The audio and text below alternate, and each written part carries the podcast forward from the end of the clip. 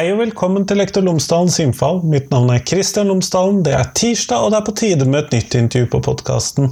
Denne gangen så snakker jeg med Willy Ågre. Han er professor emeritus i pedagogikk ved Universitetet i Sørøst-Norge. Vi snakker om hvordan det kan sies at skolen har en sentrifugalkraft. Altså hvordan skolen skiller noen elever ut og sørger for at de kanskje ikke får være med på det, støter noen elever fra seg, basert på sosioøkonomiske klasseforskjeller. Altså ikke klassen som i skoleklassen, men klassen som i økonomisk klasse klasse, og hvordan skolen fungerer for elever med ulik klassetilhørighet, og hvordan skolen kan fungere bedre for alle elevene, uansett hvilken bakgrunn de har. Så det er dagens tema på podkasten. Og denne podkasten er sponset av Fagbokforlaget. og Fagbokforlaget har i løpet av denne vinteren og våren gitt ut en metodebok om forskningsoversikter for eh, pedagogikkfagene. Og når du skal skrive en bacheloroppgave, masteroppgave eller kanskje til en doktorgrad, sånn som jeg gjør, så sitter du der med veldig mye informasjon, og så må du finne ut hva som er viktig for deg. Så da trenger du den boka. Og boka heter 'Forskningsoversikter i utdanningsvitenskap'. Og de anbefaler den til alle studenter på lærerutdanningene og innenfor andre pedagogiske fag. Og Fagbokforlaget sponser denne podkasten fordi at de syns at jeg tar opp viktige ting, viktige tema som angår skole og lærerutdanning. Og de tror at dere som hører på denne podkasten er opptatt av det samme som det de er.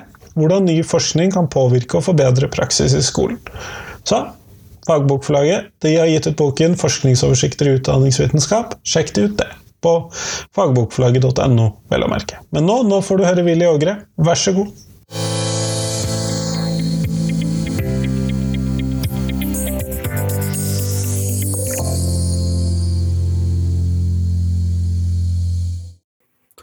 Willy Ågre, tusen takk for at du har tatt deg tid til meg i dag. Veldig hyggelig å komme. Før vi kommer sånn ordentlig i gang med intervju, så hadde jeg håpet at du kunne fortelle lytterne mine tre ting om deg selv, sånn at de kan få bli litt bedre kjent med deg. Ja, altså jeg er jo nå emeritus, som det heter. Det betyr at jeg er en fri mann og kan følge mine lyster og skiftende interesser og fordype meg i det, så det er en kjempefin ting. Men ellers er jeg viktig side av meg at jeg har holdt på med musikk veldig mange år, siden jeg var ungdom. Og det å finne ut av hvordan man skal løse ting musikalsk, det tenker jeg er en veldig viktig kollektiv erfaring for meg. Og selvfølgelig all den småkranglinga at vi kan ikke gjøre det sånn, eller hvordan skal vi framstå for publikum, osv. Så, videre. så det bandet som jeg er med i nå, det har jeg vært med i 33 år. Det var en stund. Det er sjelden jeg hører. Men Kjempeflott. Eh, I dag så skal vi snakke om skolens sentrifugalkraft, som er et begrep du bruker ja. på, i et kapittel som er med i boken 'Skolens mening'. Og da, hva er det du mener når du snakker om skolens sentrifugalkraft? Jeg tenker det at det er noen som er i, i sentrum av en slags virvel, som, som klarer seg veldig godt der. Som er fortrolig med skolens språk, eh, skolens arbeidsmåter for den del også skolens eh, si, teoretiske dominans. Eh, og jo lenger du er unna det, og jo mindre grad du har skal si, utdanningsvennlig oppvekstsammenheng med, med, foreldre som, som backer skolen, som er opptatt av framgang osv., og, så videre, og som syns det er greit uten alt altså fysisk, manuelle estet, praktisk estetiske mulighetsrommet, eh, så eh, og du er langt Og du, hvis du er la oss si, arbeiderklassebakgrunn eh, og har masse ressurser på, på, på dine måter, men er svært fremmed fra skolens dagsorden og skolens dagligliv, så blir du slynget ut med en kraftig sentrifugalkraft. Jo, jo lenger unna sentrum du er der, jo mer risikerer du å forsvinne ut i, ja, i marginalisering, eh, f.eks. Men denne, og jeg tilhører jo en av de som kommer fra en sånn, hva skal vi kalle det, typisk skolevennlig bakgrunn. Mm, mm. Og da er det jo kanskje ikke så rart at jeg har klart å eh, ende opp i skolen heller, men eh, jeg må jo innrømme det at jeg kanskje ikke har følt så mye på denne sentrifugalkraften, men er det da kanskje snakk om litt sånn eh, stormens øye vi da snakker om? Ja, ja også, eh, for jeg, jeg, er generelt opptatt av hvordan ser verden ut med unge øyne, la oss si en 14-åring. Eh, hvordan, hva gir mening i dette? Selvfølgelig er det, det er et sosialt miljø der, eh, som er selvfølgelig uhyre viktig, å finne seg til rette i det. Men så er det det å gjøre det som forventes eh, fra, fra, lærerens side. Eh, og de som har veldig mye støtte på det, eh, og kanskje heldig, altså foreldrene Ok, det er kanskje litt rart for deg dette her, men altså, bare gjør jobben din, liksom. Eh, mens andre, hvor kanskje foreldrene syns dette er ganske meningsløse sammenhenger, de skjønner ikke poenget langt unna uh, virkeligheten som foreldrene kjenner, uh, så, så, er det et helt annet sted. Og da ser skolen rar ut, underlig, uh, fremmed. Du, du, du, skjønner ikke poenget med alt det som skal gjøres. og det er, en, det er vanskelig å forestille seg når man har, tar dette for gitt, som kanskje du og jeg har gjort jeg har gjort mye meningsløst, lest på mye meningsløse ting og forberedt meg. Eh, og loseprøver og alt mulig. Og så at jeg det, det er the name of the game, på en måte. Altså det, det har jeg kjøpt sånn. Sånn er det bare. Eh, så derfor, for meg var det veldig forfriskende. og disse tidlige, Jeg var kanskje i slutten av tenårene da disse tidlige skolekritiske tankene kom. Eh, med altså Forsvarsgymnaset som eksempelet Altså, det er folk i min klasse som, som begynte der, eh, eller folk jeg kjente. Eh, og, og, den, og, da plutselig ble ikke skolen tatt for gitt. Eh, det, det ble et mye større mulighetsrom. Og da jeg jobbet i ungdomsskolen noen år etter det, så var det noen som hadde faktisk en sånn Lørdag var det jo ikke lørdag på skole, lørdag var ikke en skoledag lenger. Og det var noen som da laget en frivillig lørdagsskole, ledet av, av idealistiske foreldre og mange ja, lærte russisk f.eks. Altså, altså plutselig ble jeg Hva er du interessert i? Eh, så prøve å utvide det rommet. Hva som er mulig å være interessert i og kunne, kunne eh, jobbe med. Så det var veldig forfriskende for meg. Da, den, den, eh, for jeg hadde i årevis tatt, tatt, det for gitt dette spillet her, og ble gradvis dårligere på skolen sjøl også. Uh, og for det hadde andre ting å holde på med som var mer interessante. Uh, men uten at jeg ble, jeg ble liksom ikke helt Jeg ble ikke som ute i sentrifugalkraftens uh, voldsomheter på noen måte. Jeg aksepterte jo skolen som og, og sånn, Ja, selvfølgelig må man det er ikke hvem som helst som kommer inn på det og det stedet. Jeg var jo heldig at det var til og med mulig å komme inn på juss med dårlig artium. ja, det hadde jo et åpent inntak det i veldig ja, mange år. Men det var psykologi som jeg da begynte å, begynte å tenke i retning av. Da var det fullt mulig å komme inn der, men altså, så hadde vi dette nåløyet med, med 2,5. da. Dette berømmelige laud, dette nye, rare ordet som jeg måtte tilegne meg.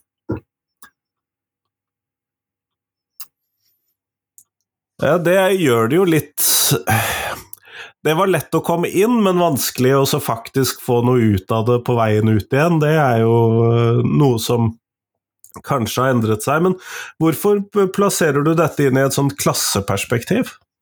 Uh, nei, fordi at med min, uh, min slags middelklassebakgrunn, så var det, det var ikke noe kritikk av skolen i det. Det var bare en tatt for gitthet. Eh, og jeg befant meg i altså det, det relativt trygge sentrumet hvor jeg eh, jeg ble ikke Jeg syntes skolen var, var, kjedelig og til dels meningsløst, men, men, jeg stilte ikke noe spørsmål. Det var ikke, eh, det var ikke at jeg måtte ut av dette. Ja, dette er totalt Dette er skummelt for meg å være i, rett og slett. Altså, jeg lunta og gikk der uten å tenke at kan jeg jobbe med noe jeg er virkelig interessert i her? Det, var, det, det spørsmålet stilte jeg ikke meg selv engang. Så, eh, og, og, og, som sagt, altså det, særlig de som eh, ikke, ikke, hvor familien ikke slutter seg til denne Der skal du jobbe, det. ikke være så opptatt om det er, om det er meningsfullt eller interessant. Eh, bare stå på og jobbe og gjør leksene dine, liksom. Det, og, den, og, det å være og Hvis du da i tillegg tar inn altså oppvekstforholdene, altså fattigdom, litt delvis kaotiske øh, forhold, ikke noen gode steder å altså, gjøre de tingene ut fra tatt for gittheten til skolen, så blir det øh, uhyre vanskelig. Øh, og, det er, og jeg tenker Litt av problemet er at sett fra lærerhold så er ikke det er ikke så lett å ta det helt inn, hvordan den meningsløsheten fortoner seg. Eller det å ikke bruke kroppen, forme noe med hendene. At det er så liten del av den skolehverdagen. Eller det å løfte, altså jobbe med å finne ut av noe sammen. Altså, øh, nå var jeg heldig å være tilskuer da, til, øh, til, et prosjekt på videregående til min yngste, yngste sønn, da, som handlet om da, rakettoppskyting. Og da eh, på en flyplass utenfor Tønsberg. Og da, da, var det selvfølgelig Det lå i kortet at grupper på tre-fire stykker skulle jobbe med ulike komponenter i det som skulle ende opp i en oppskyting på 700 meter opp. Altså da, der har vi altså den der klassiske 'learning by doing'-elementet. Altså dette var dypt meningsfullt for, for disse, disse, elevene, også, også, sosialt. Og det å dra til dette stedet hvor det var reelle ting, altså flytrafikken måtte stoppes. Altså det var, verden var inne. Um, i, det var ikke skolsk som en liten isolert øy. Det var, verden var inne. Det var flygeledere som var involvert i bildene. Altså Samfunnet var der direkte dirrende rett på. Og den, den direktheten i forhold til samfunnet tenker jeg at noen uh, klarer seg uh, uten på en slags forunderlig måte. For dette leksespillet eller skolespillet, det kan de.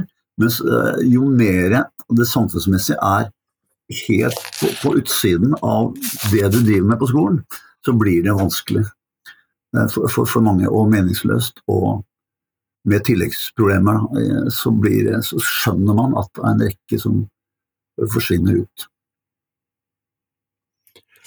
Men finnes det noen alternativer? Finnes det måter å drive skole på som ikke har denne sentrifugalkraften. fordi at jeg har jeg møter jo mange skolemennesker, og jeg snakker veldig mye om forskjellige skolemodeller, men eh, ofte så sliter jeg i hvert fall med å finne eh, tanker om skole som ikke på en viss grad baserer seg på Eller har dette som et element, da. Ja, altså det er flere kvaliteter der. Altså, er, jeg innbiller meg ikke at jeg har en sånn uh, kvikk måte å, å ordne dette på i det hele tatt. Men altså, jeg tenker medvirkende demokrati, altså det reelle demokratiet, det er at man er sammen om noe, er helt sentralt. Den følelsen der er sentral. Og det å utføre noe med hendene sine uh, og, altså Noen er jo utrolig kjappe til å se praktiske løsninger på ting, ikke sant? men den, de evnene der er helt i periferien av, av skolehverdagen. Eh, hvor, hvor, noen, plutselig er det noen som går i spissen for det kan vi løse på denne måten. Noen har dette praktiske blikket. Eh, som, og den evnen der, altså den rollen der, som en som kan være i spissen for å ordne, ordne saker og ting, i et fellesskap hvor, hvor, man må løse. Og Der tenker jeg Kristi tanke om at det er, dette er et skolesamfunn. Det må vi gjøre så godt som mulig så, sånn at alle er involvert på ulike måter og kan bruke sider av, av seg sjøl i, i, det som er altså alle disse timene. Eh, uke etter uke og dag etter dag. Men altså hvordan uh, altså Jeg tenker vi har et, sånt, et, et nytt element nå som jeg syns er spennende, spennende sånn, som er sånn make space-tenkning. Eh, som, som, finnes i biblioteksektoren f.eks. ganske, ganske sterkt og, og at man finner et rom for å skape noe nytt som man ikke vet om og er ferdig definert på forhånd. At det var en viss prosent av skolen som var den type problemløsning, det, det, tror, jeg, og, det tror jeg hadde vært veldig, veldig bra for, for, skolen å kunne fått til. Fått til altså. Og, jeg, og, det, og det er noen som jobber, jobber med dette her. Uh, jeg holdt et foredrag om uh, Anna Setne, uh, som jeg er veldig opptatt av, reformpedagog. og da var det en stipendiat ved USN, altså Universitetet i Sørøst-Norge, som da la fram Makerspace da, som en sånn type, en annen måte å finne ut av ting på, hvor, hvor fasiten ikke er gitt. Prøver, altså det er reelt rom for å prøve og feile. Ja, men en annen ting som jeg lurte litt på inn i dette, fordi at uh, du har jo da jobbet med ungdomskultur også, og da er jo Kan det rett og slett være, i tillegg til klasse, at vi som voksne forstår ungdommen for lite og tar deres premisser inn i skolen for lite? Kan det være en del av denne sentrifugalkraften? Det kan også være det, og det er et ganske problematisk område. fordi at uh, ungdomskulturen skal jo også være fri på, på, et vis, det er litt av poenget. Men jeg har sett for meg sånn fire altså fire ungdoms skal vi si, kan det kalles skjebner eller, eller, stillinger i skolen, hvor noen uh, er heldige og de skjønner skolekoden og har en, viss grad av interesse for det også, samtidig som du vet veldig mye om populærkulturens dagsorden. Eh, og jeg tenker de elevene der eh, eh, er en ubrukt ressurs i skolen, for de kan på en måte være oversettere, kan vi kalle det, mellom det, si, det faglige, den relativt vanlige dagsorden i skolen, og det som er, er en helt annen type dagsorden, altså en ungdomskulturell eller populærkulturell dagsorden. Det går an å, altså For å ta et eksempel, hvis det er noen som er opptatt av Hvis man snakker om fattigdom i samfunnsfag f.eks., hva er fattigdom? Så kan man lese det eller jobbe med det som noe fremmed som var uh, problematisk før i tida. Men som, som, er litt Noe som gjelder for de andre? Ja, ja Som er uh, mer eller mindre løst osv. Men så, så kan da la oss si en som har peiling på på la oss si hiphop-historie, for å ta et eksempel, så kan trekkes fram låter eller tekster som faktisk handler om opplevd fattigdom. Så går det an å kombinere altså en faglig ting som man holder på med, med noe som er si, dagsaktuelt eller nytt. Som gir en, sånn, på en, måte, en opplevd nærhet til hva fattigdom gjør med folk. Eh, og jeg tenker en kulturelt bevisst lærer vil etter hvert når det er en kommuniserende klasse, finne ut styrker og interesseområder som kan relateres til faglige ting. Eh, og den, den eh, oversikten mener jeg hadde gitt et, et, helt annet type løft og en nærhet til at det er ikke noe, det er ikke noe skal si, eh, ild og vann mellom det ungdomskulturelle og, og det, si, det, jeg kaller det allmennkulturelle. Det er koblingspunkter der som vil bringe flere med i, i å se sammenhenger mellom det som er si, ungdomskulturelt definert som interessant. Og der er det selvfølgelig masse delinger. Det er noe som er, liker å være smal, det er bare jeg og noen få andre som har skjønt det. ikke sant? Eh, og så er det det som er skal si, type, altså, VG-liste, for å ta et sånt gammelt eksempel. altså Å like det som alle liker. ikke sant? Det er, det er en kjempedeling der blant ungdom, hva som fascinerer dem. Eh, men en kulturbevisst lærer vil kunne få oversikt over, eh, over dette, den spredningen av interesseområdet som er mulig å koble til, til eh, en faglig dagsorden. Det krever jo en ganske stor grad av oppdatering da, for å kunne spille på dette feltet? Jeg tenker ikke at læreren selv må, må bli ekspert på, på, disse tingene. Jeg tenker mer at uh, Uh, type What's in it for you? Hva, hva, hva som gjør at dette fascinerer deg? Uh, og Jeg husker det er selvfølgelig veldig mange år siden, men altså Jeg husker det var en, en medelev som faktisk ble uh, musikkjournalist i, i Dagbladet. og han, han prøvde å, å, vise, eller overbevise læreren om, om Dylans storhet. da og i hans originalopptak så er det 'Blown in the Wind' er jo ikke akkurat veldig Altså den er veldig den passer ikke med en sånn helt alminnelig estetikk. eh, hvordan, man, hvordan man skal gjennomføre en sang, ikke sant. Eh, og, og denne kameraten min ville ønsket at læreren skulle se det, det universet der. Samtidig som han ikke var imot at vi sang eh, de og de sangene felles. Altså, som, som jeg tenker og jeg, Bare det at det er noen der som er mer opptatt av koblingsmuligheten her, bare det i seg selv, at det er urealistisk at alle skal, skal, skal bli bevisst på det. For ja, alle lærere har ulik bakgrunn. Noen har bare levd innenfor det allmennkulturelle hele, hele tiden, ikke sant. Og det mer flytende populærkulturelle har vært fremmed for dem, ikke sant. De har, vært, ikke sant? De, har, de har trent, de har vært i kor, de har, som er også veldig minner om skolen. ikke sant? Langsiktig, du blir gradvis bedre hvis du bruker masse tid ikke sant? På, på idrett eller en kor eller hva det måtte være. Men så har du den, den litt uh, skal si, uforutsigbare dagsordenen som ligger i det nåtidige og det populærkulturelle eh, som ungdom griper på ulike måter. Men altså, jeg tenker at hvis det er 10% av lærerne så, så er det en som, er, som på en måte har det i seg, men ikke bruker det mulighetsrommet, så hadde det gjort veldig mye, um, veldig mye med en skolekultur også. At det altså skulle være ledelse som var opptatt av um, lærere som likte å prøve å lese samtiden sett fra eh, de unges eh, øyne. Og ikke, ikke for å generalisere på noen måte, men for å se spesifikke eh, særinteresser også i undergrupper av, eh, av elevene. Eh, Du nevnte reformpedagogikk i stad, og da tror jeg vi, hvis vi skal gå innom det, så tror jeg jeg trenger i hvert fall å vite noe mer. Hva er det snakk om?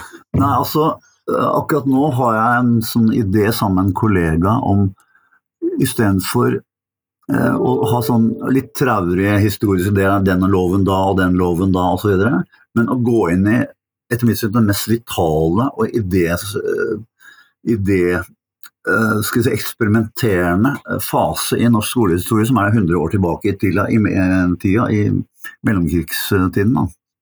Eh, Hvor Anna Setne ble, fikk besøk fra alle verdenshjørner til Sagene skole i, i Oslo.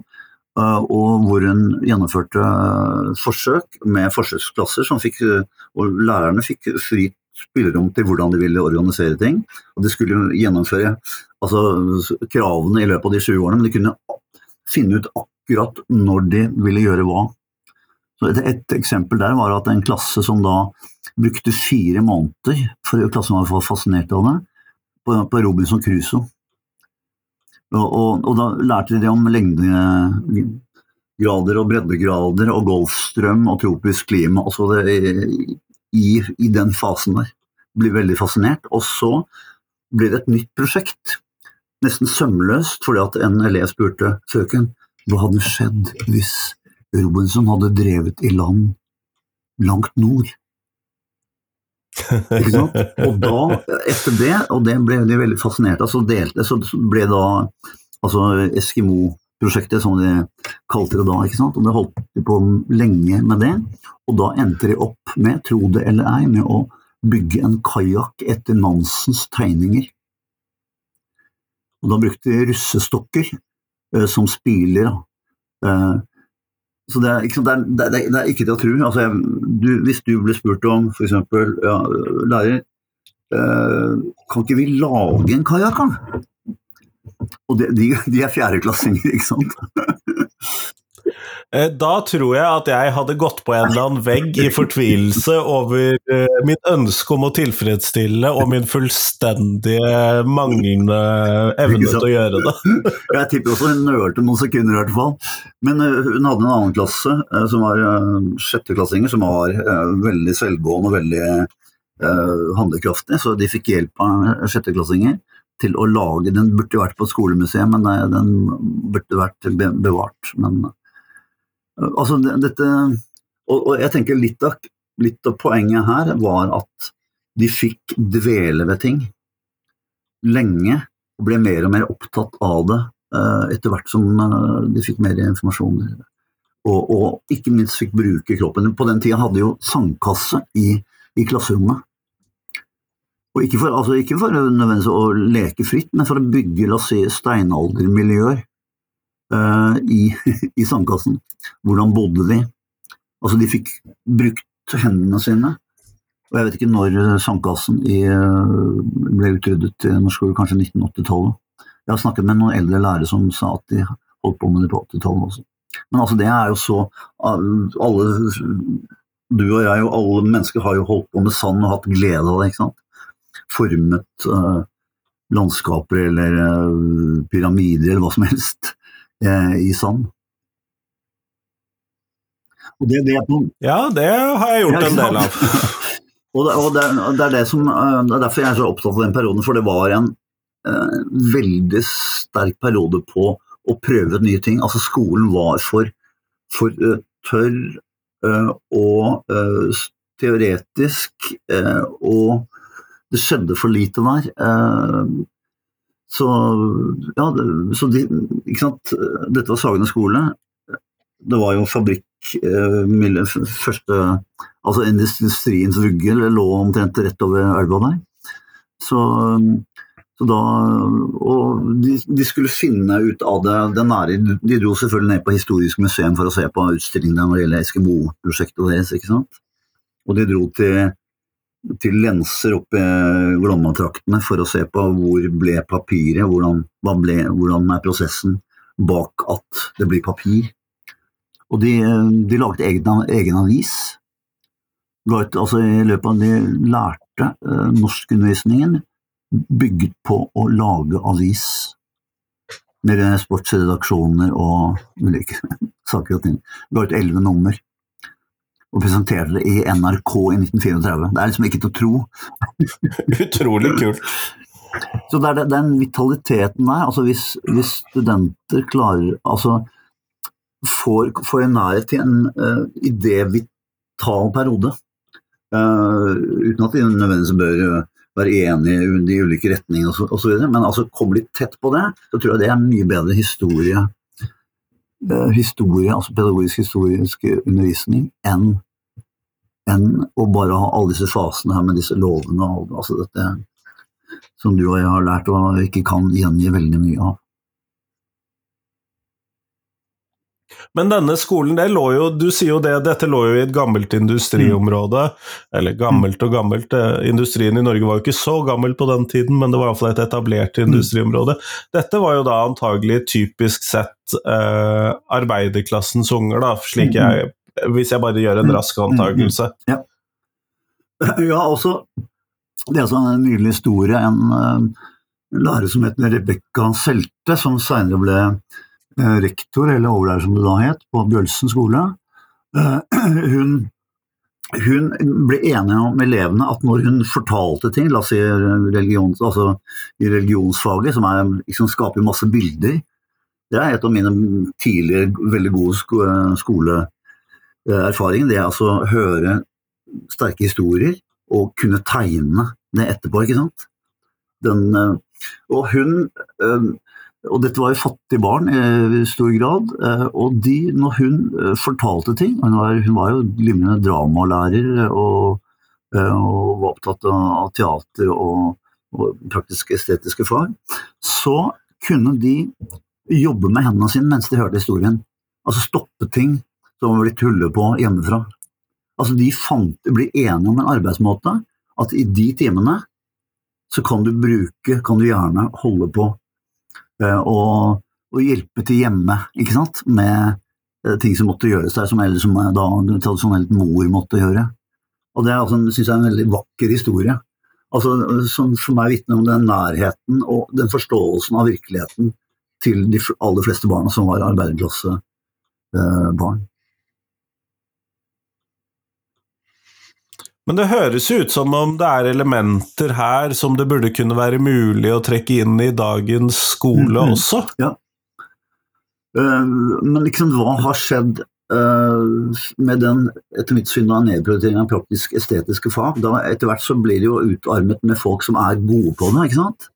Uh, og det er ikke det studentene, de 20-årige studentene, blir penset inn på å, å bli god i. Det er liksom de klassiske norsk, matematikk, eh, et fremmedspråk osv. At det, det, det syns jeg er en veldig skummel utvikling der. altså At uh, den kombinasjonen av Det går an å sette sammen teori og, og, praktiske ting. De hadde til og med et, et fag i denne perioden her som het fysikksløyd. Som jeg ikke har satt meg dypt inn i, men at det het fysikksløyd. Altså man lærte seg fysiske lover med, gjennom ting man laget i sløyden. Det ble gitt ut lærebøker i fysikksløyd på rundt 1930, eh, før og etter. Altså det var en kreativitet der som, som, som kanskje ikke vi har vært i nærheten av, av, siden, men som ble ledet av entusiastiske folk som også jobbet, laget nettverk på tvers av skoleslag, videregående, eh, barnetrinnet eh, osv. Og masse internasjonale eh, altså bevegelser, eh, svære kongresser som, eh, hvor, hvor, hvor praktikerne var vel så viktig som ideologene. Eller altså Piaget var til stede på det var folk fra psykoanalytisk bakgrunn osv. Og, det, og når de vurderes i ettertid, så var det en, en forunderlig eh, altså likhet. altså Teoretikeren var dypt fascinert av de praktiske skoleforsøkene. Ja.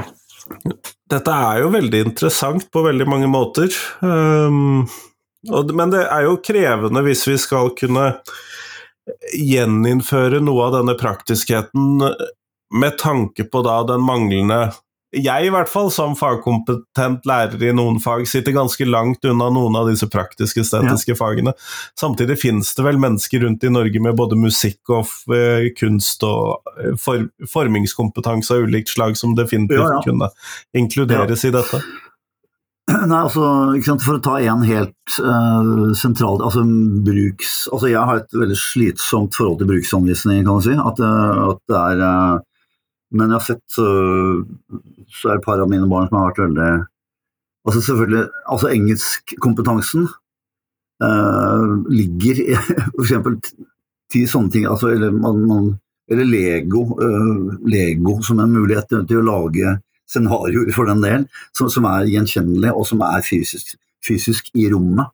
Uh, altså Det er noe fascinerende der. Så, så, så, Barna har det jo i seg. Mange barn har det veldig sterkt i seg. Dette er det å skape ting. Og da leser de eh, på hvilket som helst språk, egentlig. Hvis de leser på engelsk, hvis det er bare engelske eh, manualer. Altså det er, det, så det er en type måte å koble noe de faktisk gjør. Eh, for jeg tenker at det er lett, og jeg, jeg tenker at det jeg kan fra et annet område, la oss si engelsk, det har ikke noe med engelskfag å gjøre. Altså, jeg leste jo engelske musikkblader for at jeg var interessert i musikk. Men det var altså den tanken at det var noen i klassen som, som faktisk var drevne på å lese om musikk og beskrivelse av musikk. Eh, det var jo Jeg ville ikke tenkt på det selv. At dette må læreren vite, liksom. At jeg leser faktisk ukentlig engelske musikkblader for å skjønne, skjønne de, de, bandene som jeg var fascinert av. ikke sant? og sånt skjer hele tiden. Rett, altså og selv elevene tenker ikke her at det har noe med det engelskfaget å gjøre. Ikke sant? Og det er det, det, det også begynne å tenke, begynne å koble ting som er adskilte, det tenker jeg er en ganske sentral bit av, av mulighetsrommet da, framover. Kjempeflott, Willy. Vi går mot slutten av tiden vår her. Og da, det jeg lurer på, og det som jeg stiller spørsmål til alle jeg intervjuer, det er hvilken lærer har gjort størst inntrykk på deg, og hvorfor det? Ja, altså jeg, når, jeg tenkte, når, jeg tenkte, på det, så uh, har jeg hatt uh, hyggelige lærere. Jeg hadde en sånn, jeg og en kamerat hadde en hovedfiende, vil jeg kalle det. En, en, uh, ganske firkanta matematikklærer. Vi gikk da på språk på engelsklinja i sin tid som vi hadde mye laget tegneserier om og så sånt. Det var artig, det. Men, uh, men jeg ender på uh, meg selv som 20-åring, uh, eh, og jeg studerte kronologi. og plutselig, det, jeg snakket om, om samfunnet kom tett på. For altså, en ting var undervisningen, men også at vi dro ut og besøkte la oss si, botsfengslene. Vi besøkte steder. Lærerne var med. Eh, og vi hørte disse skal vi se, respektfulle diskusjonene med la oss si, direktøren av botsfengselet om, om, om straffens uh, Hva straffen gjorde med folk, eller denne type segregering av noen grupper i, i samfunnet gjorde. Eh, og veldig viktig forbilde å høre. De, de, var jo høflige med hverandre, men kritiske. Altså det å få det på nært hold. Og, og, og lærerne der, hvor også Kristi var en del av, av, disse lærerne, eh, lot eh, studenter som var da 20, par og 20 år, til å lage et fra, fagkritisk seminar eh, om, om, straff og, og fengsel osv hvor også Bjørneboe var, var, en av de inviterte, og kjente professorer eh, i sosiologi og kriminologi. Thomas Mathisen, Wilhelm Aubert osv. Så, videre.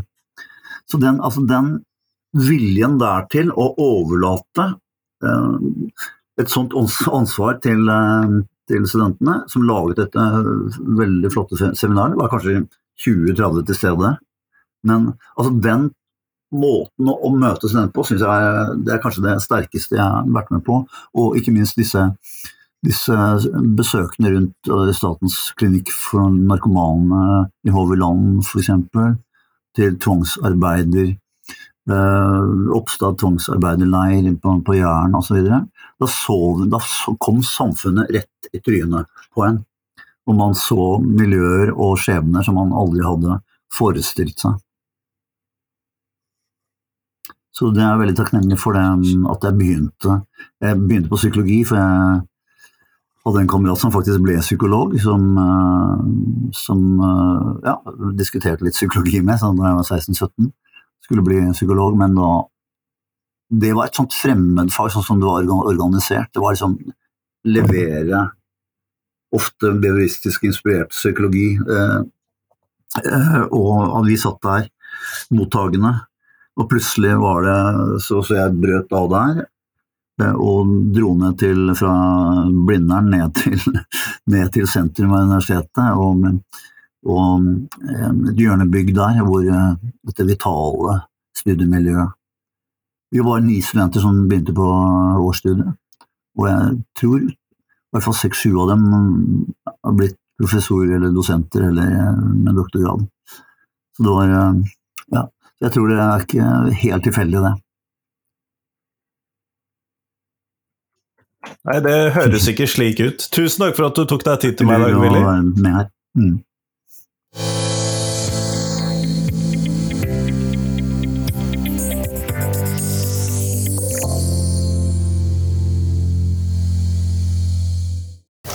Tusen takk til Willy, og tusen takk til deg som hørte på.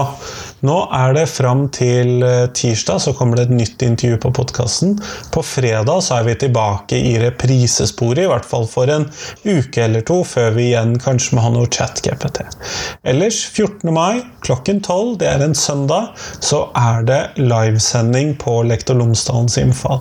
Det er episode 500 på podkasten, og vi prøver å finne ut hva er ståa i norsk skole. Det kommer eh, Simon Malkenes, det kommer Jan Tore Sanner fra Høyre, og det kommer Elise Vågen fra Arbeiderpartiet. De er begge to utdanningspolitiske talspersoner for sine partier. Og vi får Andreas Halvorsrud fra lektorstudentene her. Hva er ståa i norsk skole? Det er tema for dagen. Dette sendes direkte på Facebook, det sendes på YouTube, og det blir publisert som podkast så fort jeg rekker etter at vi er ferdig. Så det gleder jeg meg til. Men nå, nå får du ha en fin uke, og så får du en reprise på fredag. Vær så god. Hei, hei.